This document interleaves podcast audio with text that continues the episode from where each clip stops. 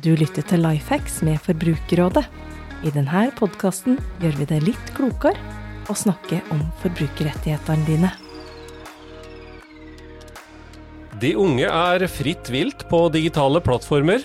Lek og sosial omgang er også arena for press og aktører som er på banen for å tjene gode penger på ungdommen. Velkommen til Lifehacks med Forbrukerrådet. Jeg heter Bengt Eigil Ruud, og gjest i dag er Maja Enerhaug Egge. Hei, hei. Velkommen.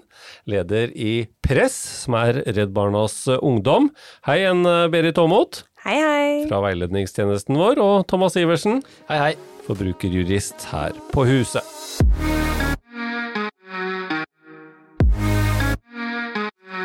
Ja, Maja, hva er eh, dere i Press opptatt av rundt eh, dette med barn og unges skjermtid?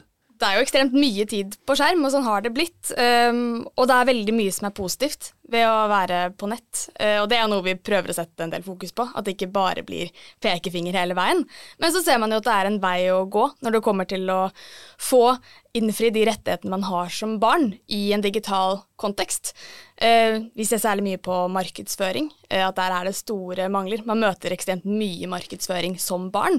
Markedsføring for skadelige produkter, markedsføring som er rettet mot deg basert på informasjon som er samlet inn om deg, og markedsføring som er lagd med metoder som er ute etter å ta deg litt som menneske, få deg til å føle deg ordentlig dritt. Uh, og det er ikke noe barn og unge skal møte på nett. Nei, og mange gjør det. Mange har dårlige opplevelser med, med disse møtene. Mm, ja. På en arena som vi Du starta så fint med å si at det er mye positivt, for det, det skal ikke bare være negativt. eh, Vi har lett for å komme litt skeivt ut når vi skal snakke og litt alvorlig om et tema, men det er jo en veldig fin arena når den er fin. Helt klart. helt klart. Den har jo masse muligheter som man ikke har i den fysiske verden. Man ser at mange finner fellesskap digitalt. Det er kanskje det store. Nye fritidsinteresser. Man klarer å nå ut til folk som man ikke finner i skolegården eller i klasserommet. Hører dere fra mange barn som, eh, og unge, for det er jo en stor gruppe som dere snakker til, eh, som har dårlige opplevelser med disse tinga? Det er jo mange som, eh, i hvert fall som er engasjert hos oss, som plutselig blir veldig reflekterte rundt hva de møter på nett. Veldig mange som møter reklamer spesielt for liksom, slankeprodukter, muskler, og det blir veldig kroppsfokusert veldig fort. Um, og som tenker gjennom ok, men hvorfor får jeg opp akkurat de reklamene eller det innholdet jeg får opp. Altså, hva, hva- Hvem er det som bestemmer hva som skal dukke opp på min skjerm akkurat der og da? For det virker jo innimellom som at det er litt sånn mystisk nøyaktig hva det er som dukker opp. Så da går det an å liksom varsellamper eh, hos folk, også hos barn. Mm. Hvordan er det for oss i Forbrukerrådet og på denne veiledningstelefonen vår, Berit? Er det, er det mange som er opptatt av disse tinga, som tar kontakt med oss? Ja, altså noe blir det jo. Eh, da er det jo særlig dette med at nå når barna har fått seg skjermrett på skolen, og så blir det skjermrett, og det blir mye skjermtid generelt. Eh, og, og det er klart at den markedsføringen som vi snakker om her, det, det er et stort problem.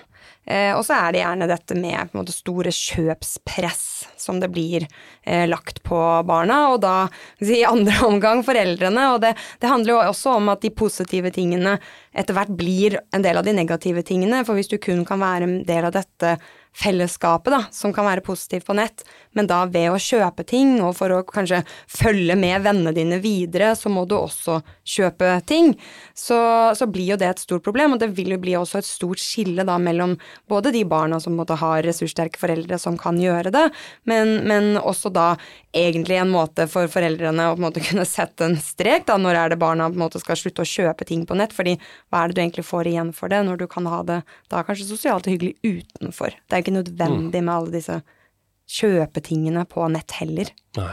Hvordan er det med jussen, Thomas? Kan de næringsdrivende bare levere reklame for hva som helst og på alle slags måter til, til barn? Det paradoksale er jo at allerede i dag er ganske strengt hvordan du kan markedsføre ting mot, eh, mot barn og unge. Direkte kjøpsoppfordringer retta mot barn er forbudt allerede i dag, så du kan ikke oppfordre barn uh, til å kjøpe ting. Grensedragningen der er ganske flytende mellom en reklame og en kjøpsoppfordring. Så her er det mange som eh, danser på en stram line. I tillegg så er jo også markedsføring som er retta mot barn, eller som kan ses av barn, er underlagt strengere sensur og strengere tilsyn enn det som uh, gjelder for uh, oss som er voksne. Så her er det særlig en jobb for både norske og europeiske tilsyn, som igjen må, må, spille inn om det trengs strenge regulering for å beskytte de, de yngste forbrukerne våre. Det skulle kanskje ikke være nødvendig å understreke, men dette gjelder da i skolen også? Det gjelder i skolen også, det gjelder til og med enda mer i skolen, i og med at det er et Eh, strengere krav for, eh, for, skolene, både private og offentlige skoler, til å sikre at elevene ikke blir eksponert for eh, reklame og markedsføring som, som påvirker dem i, i, for stor grad. Så her har skolen en selvstendig plikt til å sikre at både PC-er og nettbrett som blir levert ut til, barna, inneholder tilstrekkelig tekniske begrensninger som gjør at reklamen som blir vist, ikke, ikke påvirker barna i for stor grad. Er uh, kjøpspress og aggressiv markedsføring noe som uh, dere ser er utfordrende for den gruppa dere snakker til og med i press? Det er helt klart utfordrende, og det skaper jo en en, en, sosial arena knyttet til det å kjøpe ting. Eh, liksom ble sagt der tidligere med, med, det å måtte kjøpe ting for å kunne henge med. Eh, og det er jo veldig negativt. Man ser det kanskje særlig i på en gamingverden, at der, man kjøper seg fordeler eh, for å kunne være med videre. Men så er det jo også litt interessant, tror jeg, for mange. Altså, barn og det innholdet som lages som også er markedsføring, er ofte laget for å være kjempeimponerende og stort, og det er veldig oppsiktsvekkende, og man må følge med, og, og man får det med seg. Um, så jeg tror det er mye av det som går under radaren. Eh, det skapes et kjøpepress, men man klarer kanskje ikke alltid å plukke opp på alle innlegg f.eks. som er reklame, eh, for det sklir ofte veldig godt inn i alt annet som finnes. Mm. Du er jo også leder for Medietilsynets ungdomsnettverk, som jobber litt med hvordan dette kan reguleres og sånt. Er det sånn at dere som er unge også er opptatt av dette og vil at det skal være litt regulert og litt restriksjoner på hva som er greit? Det er ikke bare vi som er eh, litt oppi åra og er litt bekymra for eh, neste generasjon? Nei, vi er mange som er bekymra, oss som er unge òg. Eh, og der er det veldig mye å bekymre seg for. Men det skal jo egentlig være mye bedre enn det man ser der i dag. Man har et lovverk som egentlig skal beskytte barn også på nett, men så ser man at det er et stort hopp mellom den beste og verste tolkningen, hvis man kan kalle det det, av det lovverket som finnes. Um, og akkurat det som blir sagt her om det som også kan ses av barn, er en veldig interessant uh, del av dette her. Uh, fordi tolkningen av hvem er det som faktisk har nok følgere, da? Hvor mange følgere skal til? Eh, altså mindreårige følgere skal til for at det innlegget man legger ut nå, det skal tolkes med tanke på at det er barn som kommer til å se det innlegget. Uh, og der tror jeg det er mange som slipper litt uh, billig unna som uh, markedsfører, fordi man kan argumentere for at nei, nei, vi har bare voksne følgere. men hvis de som da har som oppgave å, å håndheve det lovverket som finnes i dag, virkelig ser på det og tenker nå skal vi ta siden til barna, siden til de unge, så tror jeg det er mange flere som hadde møtt litt motstand med den markedsføringen de driver med i dag. Mm. Markedsføring er jo et uh, vidt begrep uh, i en verden hvor vi kanskje liksom tenker reklame ofte og sånt, men det er jo ikke, det er ikke bare den rene reklamen som er liksom laga som en reklamesnutt, som er liksom en liten kort video hvor det er helt tydelig hvem som selger hva og sånt. Og du har vært litt innom dette med disse influenserne og sånt. Hvor, hvor, flinke er barn og unge, hvor kritiske er de til det de får gjennom sosiale medier fra forbildene sine? Jeg tror jevnt over at barn og unge egentlig er ganske kritiske til det de møter. Altså, de de veit at det er uh, markedsføring en del av det? Ja, i hvert fall mye av det. Man hører det jo om igjen og om igjen om igjen i skolen. Dette med nettvett og sørge for hvem er avsender, hva er budskapet. Uh, så det hører man jo, men det betyr ikke at det ikke har noe å si. At det ikke har en påvirkningskraft. den tilliten man har til influensere ofte, eller profiler som man har fulgt lenge, som deler mye av livet sitt, den tror jeg er mye større enn den tilliten man har til en klesbutikk eller en, eh, ja, en hvilken som helst annen tradisjonell bedrift da, som prøver å selge deg et eller annet. Så da tror jeg påvirkningen er ekstra, ekstra stor. Mm. Så, så der er de kjente fjesa enda viktigere enn det kanskje var for noen år siden, for oss som husker tilbake, Thomas?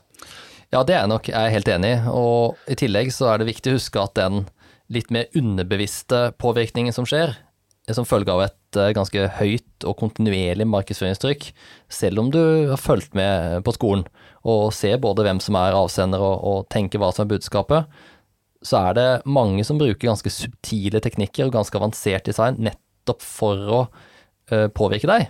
Og, og, det har du nesten ingen motstandsdyktighet mot når det sitter noen av verdens klokeste hoder nettopp for å designe ting rundt våre iboende mekanismer for å beskytte oss sjøl. Mm.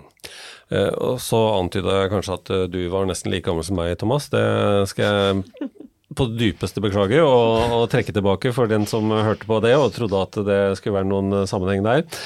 Eh, Berit, eh, fortvilte foreldre kanskje, som, som, spør oss eh, når de opplever at et barn kanskje helt ned i 13-14-15-årsalderen har eh, gått seg litt fast og, og gjort et kjøp som det ikke er noe støtte for. Eh, kan, kan vi hjelpe, eller de, har de kjørt seg fast? Det kommer jo egentlig litt an på situasjonen der og hva som har skjedd, eh, men, men det skjer jo eh, at vi får eh, henvendelser fra svært fortvilte foreldre. For det kan ha endt opp med regninger, ikke bare på en måte et par hundre, men mange, mange tusen kroner. Eh, gjerne da i forbindelse med særlig gaming, eh, hvor har eh, Hvor foreldrene kanskje da har lagt inn kort informasjon eller tilsvarende eh, for at man skulle kanskje gjøre et enkeltkjøp eller noe. Og så har det vist seg at man har faktisk bare ja, fått fortsette og fortsette og fortsette.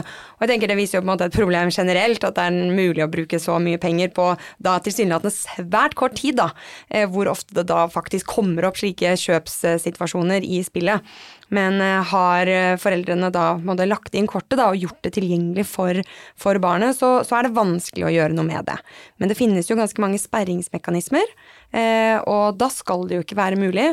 Og har det da likevel gått an, så har man jo en god sak, da. Og det har vi også faktisk hørt, eh, hørt situasjoner som, hvor det har vært lagt inn sperre, men allikevel blir det vært mulig å trekke eh, kortet. Og da har man jo en bedre sak enn at man har gitt barnet fritt spillerom. For barn er, ja, påvirkelige og forstår ikke nødvendigvis da at penger i et spill faktisk er penger i virkeligheten også. Ja, for det er jo litt av uh, greia. Og kan, kan, vi si noe om omfanget, Thomas? Veit vi sånn litt om hvor, hvor stort uh, dette er i, i, penger? Ja, det går komme an, anslag, i hvert fall. Og spillmarkedet har jo gått under radaren ganske lenge, uh, i hvert fall for myndighetenes del. Uh, og de siste årene har det kommet mye mer fram. Men uh, vi kan jo si ganske enkelt at uh, globalt i hvert fall omsetter spillbransjen for nærmere 4000 milliarder kroner i, i, år, hvis estimatet slår til. Det er såpass mye penger at man nesten ikke kan tenke seg det. Nei, det er voldsomt. Og det er på, på linje med f.eks. den globale sjømatindustrien, som man typisk kanskje tenker er et stort stort marked som får masse regulatorisk oppmerksomhet, og har vært veldig i vinden nå de siste årene i Norge med grunnrentebeskatning og andre tunge politiske prosesser.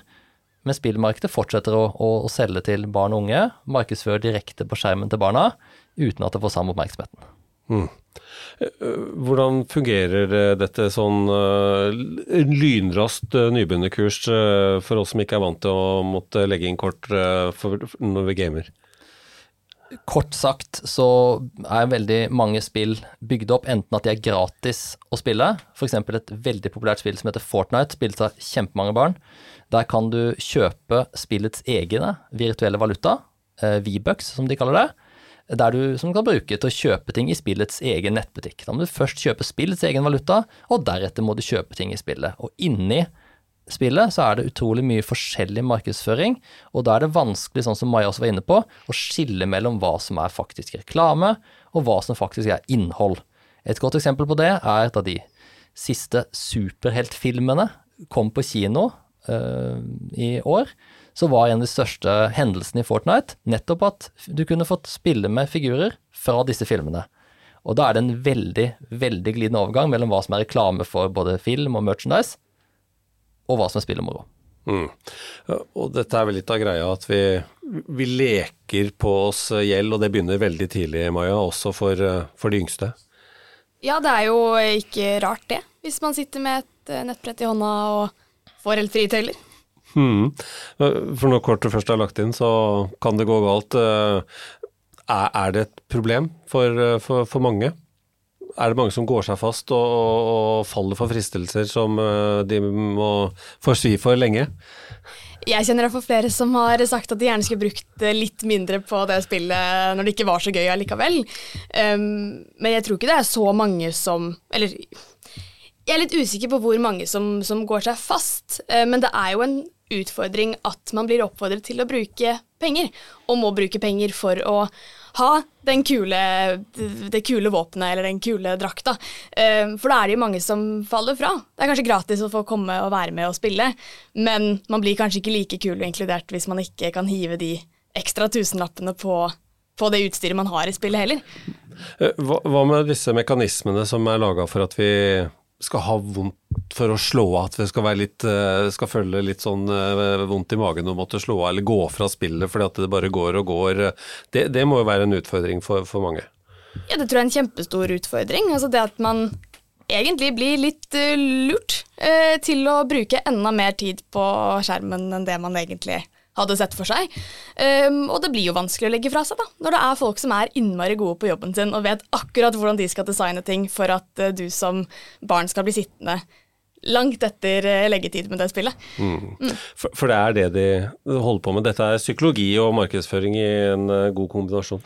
Ja, dette er jo anvendt psykologi rett inn i designmekanismene, og istedenfor å gå den etiske designveien, og typisk å designe ting sånn at man føler seg ferdig, så bruker man teknikker som f.eks. endeløs eh, scrolling. At du kan bla og bla og bla i en sosial medieapp, og du kommer aldri til bunn. Det er et designgrep som er kjempeenkelt å komme rundt. Det er bare å sette en bunn. Enkelt og greit. Men motsatt, holder du brukeren der, i praksis mye, mye lenger. Mm. Litt alvorlig tema mot slutten av denne praten, eh, Maja. For du var på Forbrukerkonferansen for kort tid siden og mm. snakka bl.a. litt om det der at eh, noe av budskapet er at du er feil. Eh, det er jo selvfølgelig det dårligste en ung person kan, kan bli påført av følelse. Mm. Hvordan fungerer det, og, og, og er det noe vi kan gjøre? Er mye man kan, man kan, gjøre. Vi sier jo ofte dette her med at, eh, at budskapet i, i reklamer til, i bunn og grunn er at du er feil, fordi man trenger den ekstra overbevisningen av at man trenger å man må kjøpe et produkt da, for å løse et problem som kanskje ikke er der, og i hvert fall ikke er så stort. Men eh, hvis man hører da, så mange ganger i løpet av en dag på forskjellige måter. Enten så ser du feil ut, du har ikke den kule tingen i det spillet du spiller. Uh, du klarer ikke henge med, har ikke veska, har ikke skoene. Um, da er det jo lett å begynne å tro på det etter hvert. Um, vi lagde en rapport i 2018 som het Prosjekt Perfekt, hvor vi bl.a. spurte om er det noen som sitter igjen med negative følelser etter å ha brukt sosiale medier. Um, og det var kanskje lavere enn det man skulle tro, men i hvert fall blant jenter så tror jeg det er omtrent 20 det som satte, hadde vært, satt igjen med en ordentlig dårlig følelse etter å ha vært på sosiale medier. Og da er det jo tydelig at et eller annet må man gjøre. Og det er jo ingen influensere eller bedrifter når man ikke har markedsføring, som tjener veldig mye på å fortelle folk at de er feil som de er. Da vil man jo skape positive opplevelser for følgerne. Mm. Så det er jo dette her med, med, reklame og markedsføring, at det er der problemet ligger, og det er der man får høre at du ikke er bra nok som du er. Og det ser man at det, tærer på da, over tid. Vi runder av med den eh, faste posten vår fra veiledningstjenesten. Berit har med seg en eh, kuriosa i dag også. Ja, det har jeg, vet du. Så bra. Fra et alvorlig tema til ja. Eh, noe litt mer flåsete, men I dag så har vi en forbruker som hadde et avtale med et firma om oppussing av badet sitt. Og etter at flisleggeren hadde lagt støypen på badet, så hadde han glemt å lukke igjen døra. Og da hadde katten til forbrukeren klart å komme seg inn på badet. Og det hadde blitt eh, veldig dumt, for det var både støyp og det var katt som ikke fikk det så veldig bra etterpå, med en stor betennelse. Og det ble en saftig veterinærregning. eh, og forbrukeren lurte jo da selvfølgelig på om hun kunne kreve disse kostnadene dekket av håndverkeren. Altså, Håndverkeren må ha, måtte jo da ha ansvar for den skaden for at man skulle kunne kreve det dekket. Så man kunne jo forsøke å argumentere for at eh, ja, lukke døra, det er noe man må gjøre når man holder på i et hus, men trolig ikke. Trolig ikke. Så, men både katten og badet var nå i orden, så det var i hvert fall Enden var i hvert fall god. Enden var i hvert fall god. Takk skal du ha, Berit. Tusen takk, eh, Maja, for at du kom hit. Takk for at jeg fikk komme. Maja Enerhaug Egge, som er leder i Press, Redd Barnas eh, Ungdom. Takk skal dere ha, Berit og Thomas, for at dere stilte opp i dag igjen. Ha det. Ha det. Abonner gjerne på Lifehacks med Forbrukerrådet, så får du beskjed når nye episoder er å høre. Takk for at du hører på Lifehacks. Du får nye episoder fra oss annenhver uke. Abonner gjerne, så får du nye episoder der du liker å høre dem. Hvis du vil komme i kontakt med oss for ris og ros, eller vil dele din beste lifehack, send oss en e-post på lifehacks at forbrukerradet.no. For andre forbrukerhenvendelser er det de vanlige kanalene som gjelder. Du når våre forbrukerveiledere via kontaktinformasjon du finner på forbrukerrådet.no.